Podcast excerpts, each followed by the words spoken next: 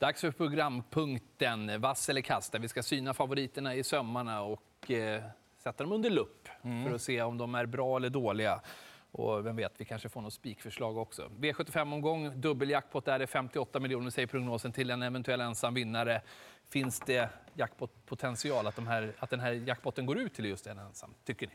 Jag tror att det är lite för bra favoriter för att det ska kunna, som är för höga för att det ska kunna bli så den här gången. Ja, en- ensam vinnare kanske är lite tufft, men det finns ju potential. Vissa av dem känns ju riktigt knepiga. Sa vi att det är open stretch också? Nej, nu har du gjort det. Ja, det är. Ett spår. Ett spår bara. Precis. Men, Snikspåret ja, men det är, ändå, det är ju en bana vi tävlar sällan V75 på. ju. Ja, men kul med ett optimistiskt gäng och, och en hög utdelning.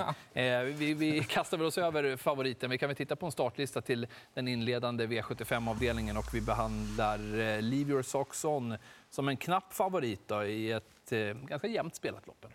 Ja, han får ju rött på läget då att det kan bli en lite långsam start där. Jag känner mest för Showtime Jack Flower som det blev helt fel för senast. Fick en trött rygg framför sig.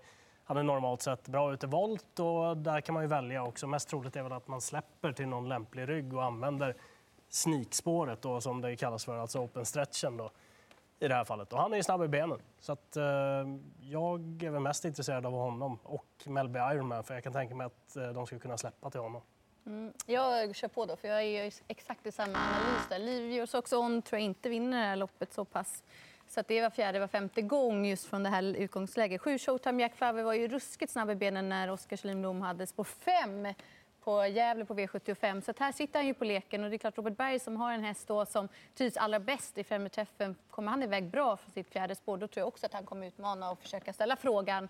Och Oskar Kjellin vet ju att han har en häst som även är bra på speed. Så valmöjligheterna finns där vilket gör att sju Showtime Jack Flower är första hästen i loppet. Ja, givet med rött på Liv, eh, Livius Your i och med att eh, spår 5 voltstart, det blir en trög start, det kan bli galopp också. Eh, och det är ju, eh, fyra Melby Ironman kommer ju garanterat iväg bättre. Jag kan inte tänka mig något, något annat. Och han kan ju köra sig till ledningen då, då ser det bra ut för honom. Eh, ni har nämnt Showtime Jack Flower. Jag nämner 11 Kalashnikov också, för jag tycker han har sett jättebra ut. Men jag skulle väl ändra lite på huvudlaget också på honom. Nu en lite kortare distans, det gillar jag. Ja, den skulle kunna ta dem från utvändigt tror jag. Vi lämnar åt det för den andra avdelningen och, omgångens tunga pjäs i Tangenhop. Distansen är kort, eh, spåret är ett stängt spår och favoritskapet är gigantiskt. Mm. Och det blir grönt. Jag tycker att det är den hästen i omgången som har högst vinstchans. Han vann det här loppet i fjol utvändigt om ledande Mel Odin. Och det är klart att bakspår över kort distans aldrig är något plus. Men bra startrygg i alla fall i Stjärnblomster och två Wåhl Nikolaj är också en av de som är värst emot här. Så att, nej, jag tror att Erik Adelsson känner hur bra hästen är och lever på det han var senast. Så att, nej, han är bara bäst i det här gänget. Ja, jag instämmer helt och hållet. Jag tror han är den i omgången som har högst segerchans, så det är inte så mycket att, att prata om. Som han såg ut senast. Det var ju ett strålande intryck helt enkelt. Jag har aldrig sett hästen bättre. Eh, Läget är ju lite knepigt där. Wolle Nikolaj kan ju strula bakom bilen ibland. Men han är ju så bra, eller han är, ja, han är så bra Tangenhov. Framförallt är han så mycket bättre än de andra. Hade det varit liksom någon bra häst där framme, alltså någon som verkligen kan utmana, då hade jag kunnat tänka mig. Men det är ju inte så nu. Utan, eh, han slog mycket bättre hästar senare. Ett rungande grönt Ja. kring Tangenhop när vi tar oss till den tredje avdelningen till ytterligare en stor favorit i omgången. Det handlar om Robert Bergs Bird Lane. Ja, jag har svängt lite under veckan på henne. Hon får till slut eh, rött där. Hon blir lite väl stor favorit. Hon blev väldigt trött till slut senast. Så det är alltid frågan hur hon tar det. Hon är bara tre år. Hon gör ju blott sjunde starten. Hon ska upp till Skellefteå nu också. Långa resor. Och så möter hon ju Daniel Wäjersten. Alltså, det går ju knappt att, att spela utan att ha hans hästar på lappen. De, de vinner ju pris hela tiden. Och det är åtta Dion Smaragd i det här fallet. Då. Eh, det är ju den givna utmanaren. Och, och, alltså favoriten måste ju, allt måste vara tipptopp för att den Dion Smaragd kommer ju sannolikt göra en kanoninsats. Mm, för min del blir det också rätt på favoriten. Hon är ju tre år gammal, enbart orutinerad. Dessutom har hon inte gått i voltstart sedan i fjol. Och en häst som har kommit upp i form. Det är gynnsamt just i starten att han är själv, Robert Berg. Men sett till hästen sen, när loppet väl är igång, så är hon inte skyddad av några andra konkurrenter på sin volt. Så det gör ju att de andra kommer ändå väldigt tätt in på henne här. Och just första långresan. Jag tycker att det finns en hel del frågetecken vilket gör att det är givet i mina ögon att gardera. I alla fall om man inte... Ja, spelar man VM i V75 och vill antal rätt, gå på Bird Lane som har högst vinstchans i loppet. Men vill du ha ut pengar och jackpot-pengarna här så tycker jag att det finns gott om motbud. Och någon låg procent, då, eftersom du redan har tagit Wäjersten-kortet, så är det ju Hanna Olofsson med 12 AVA. Hon ligger lågt. Det är ett frågetecken för att hästen varit struken. Men om nu formen sitter där, jag menar till 3% Hon har varit ute och mött riktigt bra hästar på streckspelen. Det lopp hon gjorde V75-helgen, det var nog enormt bra. Så att, nej, med lite klaff här till 3% då tycker jag att det är givet att betala för AVA. Leon får väl göra det just med den här avdelningen då. Ava den nu. Ja, var den med rött. Det är ändå en treåring som var ute i ett tufft lopp senast. Berg sa det här med resan, att det är långresa och så där också för hennes del. Så det finns väl vissa faktorer där som spelar. Man måste nog lyssna imorgon hur allting har gått också, om hon har ätit och druckit på rätt sätt. Hela den biten. Dion Smaragd given. Där kommer de att ladda iväg, försöka hitta ner i ryggen på favoriten och nyttja stretchen som ett tänkbart scenario. Bag-in-box nummer nio, Erik. Adielsson eh, på den också är väl eh, lite halv spännande tycker jag. Den har inte alltid aktionen med sig, men ja, absolut som motbud. Och sen La Norna, det är en liten men härlig häst som är väldigt ettrig. Eh, ska man leta någon stänkare där så är det väl hon. Då. Men det är klart att favoriten har bäst vinstchans i loppet, men 55 procent på en treåring är mycket. Sicken bild jag fick upp eh, när sommarplågan Bag Box rullade. Och jag kan tänka mig att Peter Andersson dansade vilt. Eh, var det en låt eller? Ja. Jag trodde du hade koll på det. Nej, nej, nej. Vi lämnar det Jag vet ju vad det är annars. Ja, det hade du koll på. Ja, Det, är, det är en låt också. ja det är det. Är den bra? Det kanske var Leon som dansade till. Från den tredje avdelningen till den fjärde tar vi oss. Eh, Och det är jämnt spelat. Men favoriten som eh, vi bedömer det ändå vara imorgon då blir Buska Blyg. Mm. Ja, alltså han får grönt, för han tål att göra mycket själv tycker jag. Så att, eh, att han är 20 procent, det känns fullt rimligt. Jag tänker inte spika i det här loppet, men eh, jag tycker han är första valet. Eh, hoppas såklart att Kalmar studsar tillbaka. Källsjöviking på den där balansen kan ju vara spännande också. Det var snack om barfota på honom. Det känns ju också intressant. Men det är, här är ju bara att plocka så många som möjligt. Eldtechno där, nummer tre, var väl eventuellt amerikansk sulke också. Mm. Det, Ska jag? Ja, men jag drar rött på buss. Gentlemannen Peter tar för sig här. Tack.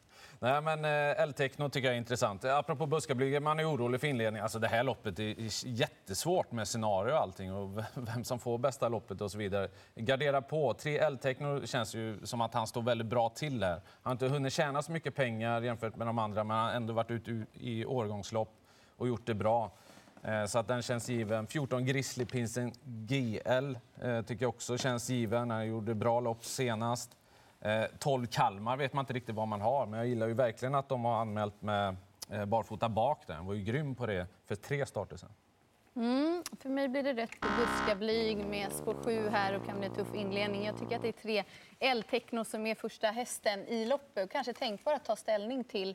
Det är ju gott kunnande, hästen har visat det tidigare. Sen har det inte riktigt stämt för honom. Men nu tror jag att Oskar Kjellin Blom har liksom fått till den här finslipande balansen och justeringarna. Och eh, jag tror att det är den troliga ledaren också. Då är det hästen att slå. Vi ökar tempot, vi trycker på gaspedalen. Vi tar oss till den eh, femte avdelningen och till eh, ett, en favorit från ett innerspår där Henrik Svensson, ja, det han var han inte jättenöjd över. Underbar och så fin. Nej. Såg ni senast när han hade innespår? Ja. Ja, det var ju katastrof alltså. Nere på inneplan. Jag tror jag aldrig haft en favorit som är så missgynnad av innespår som han. Och det är en väldigt konstig häst också. Det är otroligt bra gjort att få honom att, att rada upp segrar här i och med att han, han är inte enkel. Eh, här har jag årets drag tror jag i fyra Bosse Bi. Alltså, så som han öppnade då på, på Harsta för fyra starter sen, jättefint. De har ju lättat hästen allt eftersom eh, här senaste tiden. För tre starter sen stod den i 20 meters tillägg på Bi Sakamano som är andrahandsfavorit. Eh, Det blev galopp i starten näst senast när de provade barfota, men nu ska det ju bli den balansen igen. Och senast så var det lite strul just med, med att det, det inte var perfekt med, med allting där med balans. Nu låter det jättebra. Jag var i kontakt med Hanna och hon låter klart uppåt på hästen. Jag tror att den bara vinner. Bosse Bi. Budskapet är tydligt. Bra. Det var tanken. Jag hade hört det så taggad. Nej, nej jag, verkligen när man hittar en sån där. När det är jackpot också. För tusan, tryck. Rätt på favoriten. Instämmer att Henrik Svensson gjorde ett jättejobb med den här hästen men är inte att lita på från det här läget. Det kan gå lite hur som helst. Jag förordar nummer 6, B. Sakamano som eh, har vunnit väldigt många lopp och lite tuffare motstånd är det helt klart men tål också göra en hel del. Och Micke Melander låter nöjd med, med hästen som man ska sätta sig upp för och tror ju också att med lite kraft så går det vägen. Ja, nej, det blir definitivt rött eh, med tanke på... Jäklar vad du smällde till maskinen. Han har bra tryck hård. i armen. Nej, men, eh, han hamnade ju på inneplan. För Ja, det var helt otroligt alltså. Nej, han är ju ruggigt sårbar. Eh, Santis Excalibur, Erik Adelsson upp på, på den. Kan vara spännande. Öppna medium plus. Eh, sen tycker jag att det är spännande att se Polar Operation i, i ny regi också. Verkligen. Mot annan omgivning. Jättefin häst det där. Och sen är jag ju rätt så svag också för Maybach VF. Jag gillar den eh, rätt så skarpt också. Men det är ju en lågprocentare så här, för min del blir det söka lite skrällar i den här avdelningen. 50... Ja, Top 7 är det ju också, för tusan. Bosse B säger jag då.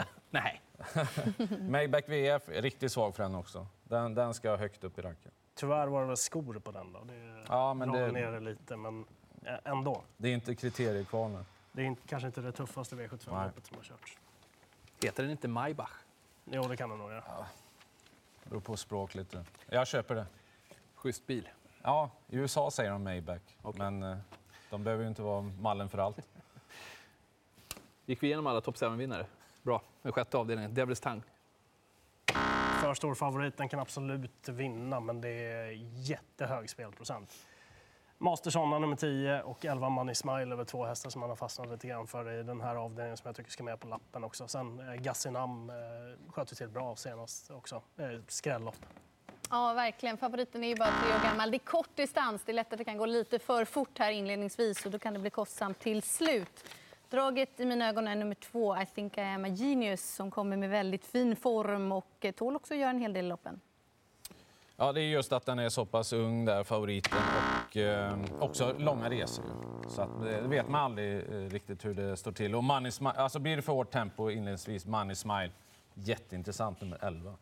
Vi kastar oss över startlistan till den avslutande avdelningen. En, ett jämnt spelat lopp med Evens Cool Boy som knappt.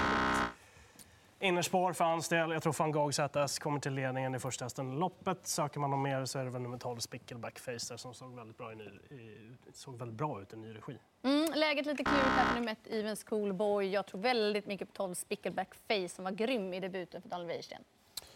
Ja, men jag är ganska överens här. Even, even Schoolboy är läge som ställer till det. Därför får han rött. Hittar han loss i tid, ja, det är klart han har bra chans. Men Spickerback Face som han såg ut senast, det, ja, det var riktigt fint. Tangenhop, den vassa favoriten. Lycka till på V75.